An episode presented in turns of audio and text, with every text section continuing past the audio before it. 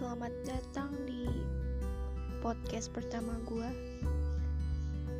Jadi ini pengalaman pertama gue bikin podcast. Judulnya monolog sejenak. Karena gue sering banget bermonolog.